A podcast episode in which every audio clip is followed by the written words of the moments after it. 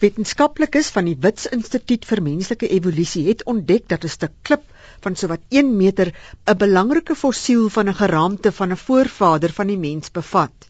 Die fossiel is nie sigbaar met die blote oog nie.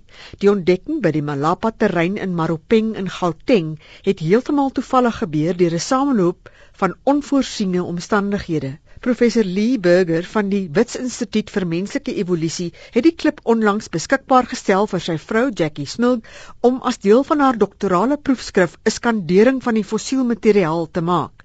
Burger het die klip al 3 jaar gelede ontdek en glo nou dat die fossiel die oorskot van Karabo is.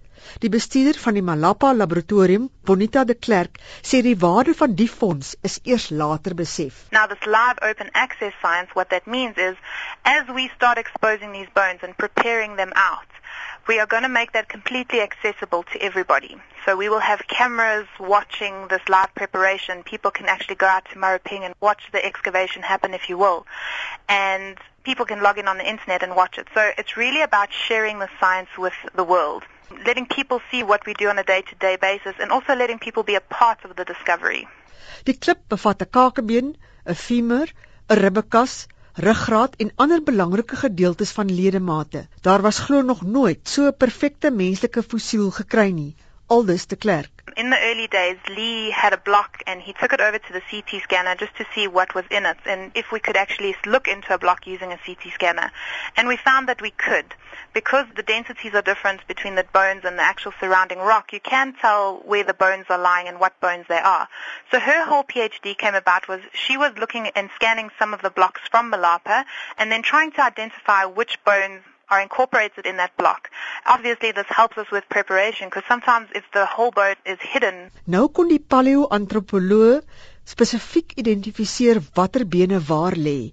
Die instituut wil wetenskap toeganklik maak vir mense. We have donated replicas of these skeletons to major museums and universities around the world because we want people to put this in their displays. We want people around the world to be excited about the Sediba fossils and about South Africa. And it actually just fitted in with Lee's trip to China. He was actually donating casts to the Shanghai Museum of Science and Technology for their displays so that they have a little bit of South Africa there in their displays. And we decided to make the announcement there because it's going to be very crucial to have partners within other countries and at other museums and institutes. Die gevolg hiervan is dat 'n kind in China op 'n skerm in 'n plaaslike museum kan sien hoe wetenskaplikes die beenderre uit 'n klip by Maropeng in Suid-Afrika haal. Die ontdekking in 2009 van Karabo se oorskot op die Malapa terrein by die wieg van die mensdom is vir verskeie redes betekenisvol. It's a transitional species.